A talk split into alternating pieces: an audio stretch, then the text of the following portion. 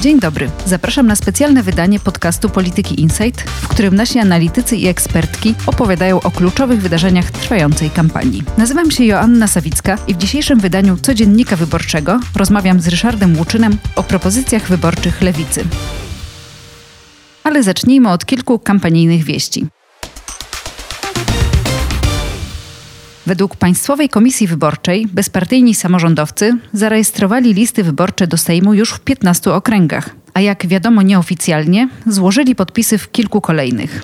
By zarejestrować listy w całym kraju, trzeba złożyć po 5 tysięcy podpisów w co najmniej 21 okręgach, na co komitety wyborcze mają czas do 6 września. Na listach bezpartyjnych samorządowców jest niewiele rozpoznawalnych nazwisk. Może oprócz lidera ruchu Roberta Raczyńskiego, który startuje z pierwszego miejsca w Legnicy i jedynki z Wrocławia, czyli rzecznika ruchu Krzysztofa Maja. Jeśli bezpartyjni zarejestrują listy w całym kraju, to zapewne odbiorą część wyborców opozycji. Przede wszystkim stawiającej na lokalnych liderów trzeciej drodze, ale też Konfederacji.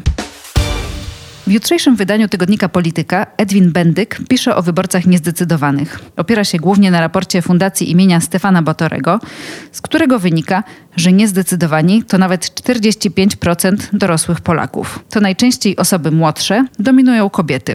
Łączy ich poczucie, że sytuacja w kraju idzie w jednoznacznie złym kierunku, że PiS nie powinien dłużej rządzić, choć opozycja nie jest atrakcyjną alternatywą.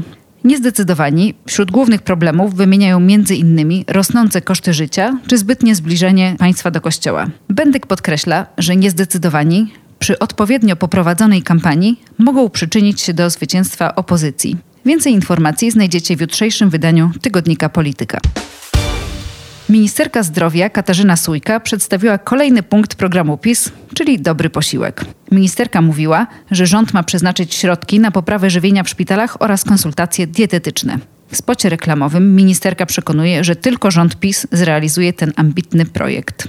Zdrowotne propozycje PiS skomentowała m.in. posłanka lewicy Anna Maria Żukowska. Pytała, czy premier był kiedykolwiek w szpitalu publicznym i czy dopiero teraz odkrył, że posiłki szpitalne są niskiej jakości. Sama lewica postuluje wzrost nakładów na ochronę zdrowia do 7,2% PKB i szerzej poprawę dostępu do usług publicznych. W sobotę w Łodzi odbyła się wyborcza konwencja lewicy. Lewica zaprezentowała hasła wyborcze i piosenkę. Pokazała liderów i liderki. W 2019 roku twarzami ugrupowania byli trzej mężczyźni. W tym roku istotne znaczenie w kampanii odegrają kobiety, dlatego na scenie pojawiła się też Agnieszka Dziemianowicz-Bąk, Magdalena Biejat i Joanna Szojring-Wielgus. Konwencję obserwował na żywo Ryszard Łuczyn, którego spytam o jego wrażenia. Ryszard, jaki był najważniejszy wydźwięk tej konwencji? Na czym w tych wyborach zależy lewicy?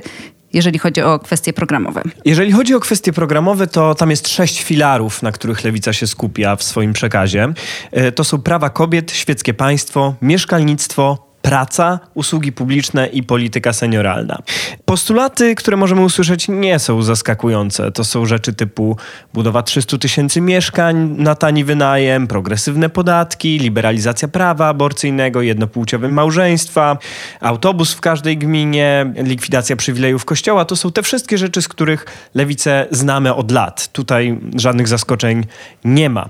Natomiast głównym wydźwiękiem tej konwencji nie był wcale program. To nie była konwencja programowa programowa. To nie była konwencja programowa, to była konwencja powiedzmy emocjonalna. Bo to, co z niej wybrzmiało i co miało wybrzmieć, bo rozmawiałem na ten temat ze sztabowcami, to po pierwsze budowa drugiej osi polaryzacji. Obok osi Platforma PiS, Lewica próbuje zbudować drugą, mniejszą oś między sobą a Konfederacją. Liderzy Lewicy na scenie dowodzili, że istnieje bardzo poważne zagrożenie, niemal pewność, że PiS będzie chciał zbudować koalicję z Sojuszem Skrajnej Prawicy i że lewica jest odpowiedzią właśnie na Konfederację. To trochę wynikło z fokusów lewicy, że o ile wyborcy traktują walkę z PiSem jako obowiązek Platformy przede wszystkim, to na rosnące z ich perspektywy zagrożenie ze strony Konfederacji odpowiedzieć powinna właśnie lewica. Więc po miesiącach wahań ostatecznie ostatecznie lewicowcy mocno zdecydowali się wejść w budowę tej drugiej osi polaryzacyjnej. Drugi wątek, który miał bardzo głośno wybrzmieć, wiąże się z hasłem, które zostało zaprezentowane, czyli mam serce po lewej stronie. I tutaj chodzi o to, żeby przekonać wyborców do głosowania zgodnie z emocjami, zgodnie z tym, co czują, a nie jakiegoś koniunkturalnego, racjonalnego głosowania na największą partię, bo pomyślą sobie, że to jest skuteczniejsze w zwalczaniu PiSu. To hasło ma trafić do takich wyborców progresywnych, głosujących na koalicję obywatelską i przekonać ich, że no jeśli mają to serce po lewej stronie, to jest też formacja po lewej stronie. No właśnie to hasło mnie dosyć zaskoczyło. To znaczy z jednej strony to serce dosyć mocno mi się kojarzy z kampanią Koalicji Obywatelskiej, bo oni praktycznie zrezygnowali ostatnio ze swojego logo i wszyscy politycy noszą takie przyklejone serduszko do koszuli. Z drugiej strony ta lewica w haśle no, wydaje mi się, że lewicowość nie pociąga w Polsce za sobą milionów. Z jeszcze innej strony patrzę sobie na kampanię lewicy, czy też tę prekampanię prowadzoną od tygodni i miesięcy, która skupiała się wokół kwestii bezpieczeństwa, głównie takiego socjalnego, bytowego. No i nie widzę w tym haśle korelacji z tą kampanią. Zastanawiam się, ile w kampanii będzie tej emocji związanej z sercem po lewej stronie, a ile tego programu budowanego jednak od tygodni czy miesięcy. Z tego, co rozmawiałem z politykami i sztabowcami lewicy, to raczej jest takie przekonanie, że te ostatnie tygodnie kampanii to już nie są szczególnie o programie, tylko raczej właśnie o emocjach. Oczywiście różne hasła zostały przebadane. Lewica zaczęła myśleć o tym mniej więcej trzy miesiące temu, a potem okazało się, że rzeczywiście Koalicja Obywatelska wyszła z tym swoim sercem. Lewicowcy twierdzą, że im to nie przeszkadza nie wiem, czy im wierzę, ale wierzę im w to, co mówią na temat tego hasła, że ono jest w pewnym sensie naturalne. Bo oni mówią, że to stwierdzenie, że mam serce po lewej stronie, funkcjonuje już w społeczeństwie.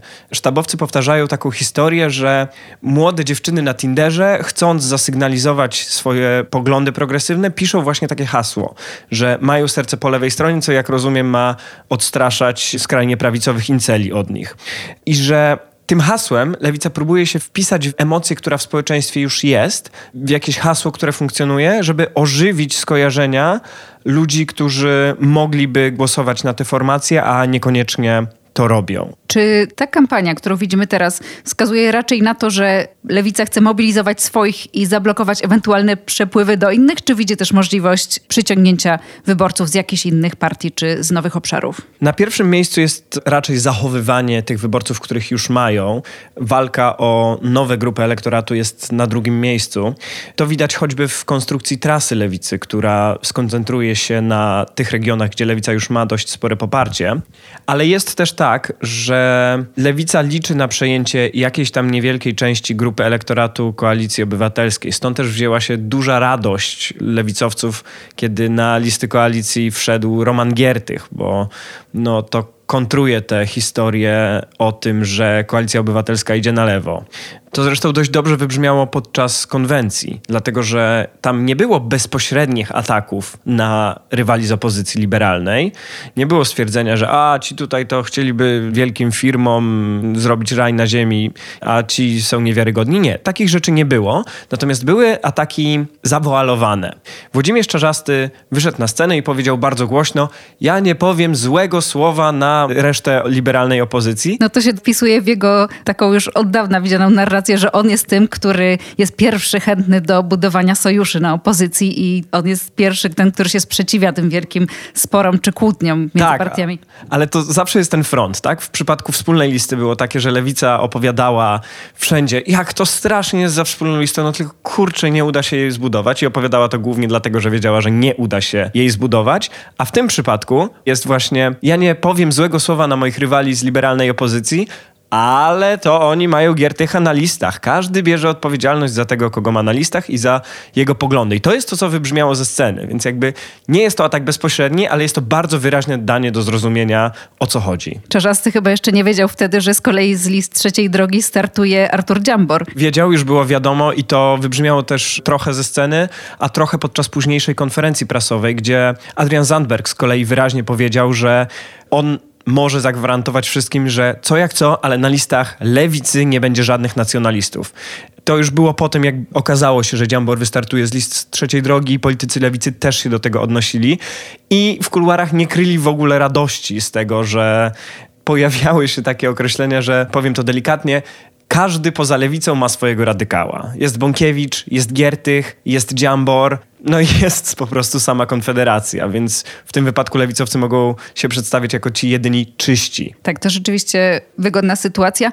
Na koniec chciałam spytać cię o nastroje. Ty mówisz o tym, że w związku z tymi radykałami na listach innych partii oni są bardzo zadowoleni, ale lewica teraz może liczyć na około 9% poparcia. Ona startuje jako partia, więc na niej próg wynosi 5%, więc teoretycznie ten próg wyborczy jest daleko ale wiemy, że w kampanii Koalicji Obywatelskiej włączy się teraz Rafał Trzaskowski, który ma dosyć mocną siłę przyciągania wyborców lewicowych. Jak na to patrzy lewica? Jak patrzy na swoje szanse wyborcze? Co będzie dla nich sukcesem? Czy w ogóle stresują się tym ewentualnym nieprzekroczeniem progu? Lewicowcy na pewno nie boją się, że nie przekroczą progu, jednak odległość jest na tyle duża, że oni czują się bezpiecznie i też jest pewnie taka grupa wyborców, którzy nie przeskoczyliby do innej formacji. Natomiast nie ma wątpliwości, że lewicowcy bali i boją się odpływu elektoratu, mimo pojawienia się na innych listach osób związanych ze skrajną prawicą. Tak, Rafał Trzaskowski, o którym wspomniałaś, jest bardzo groźnym rywalem dla lewicy, o czym niejednokrotnie już w naszych podcastach mówiliśmy, bo jest progresywny, kojarzy się dobrze, jest ładny, wciąż jest postrzegany jako młody, mimo że przekroczył pięćdziesiątkę.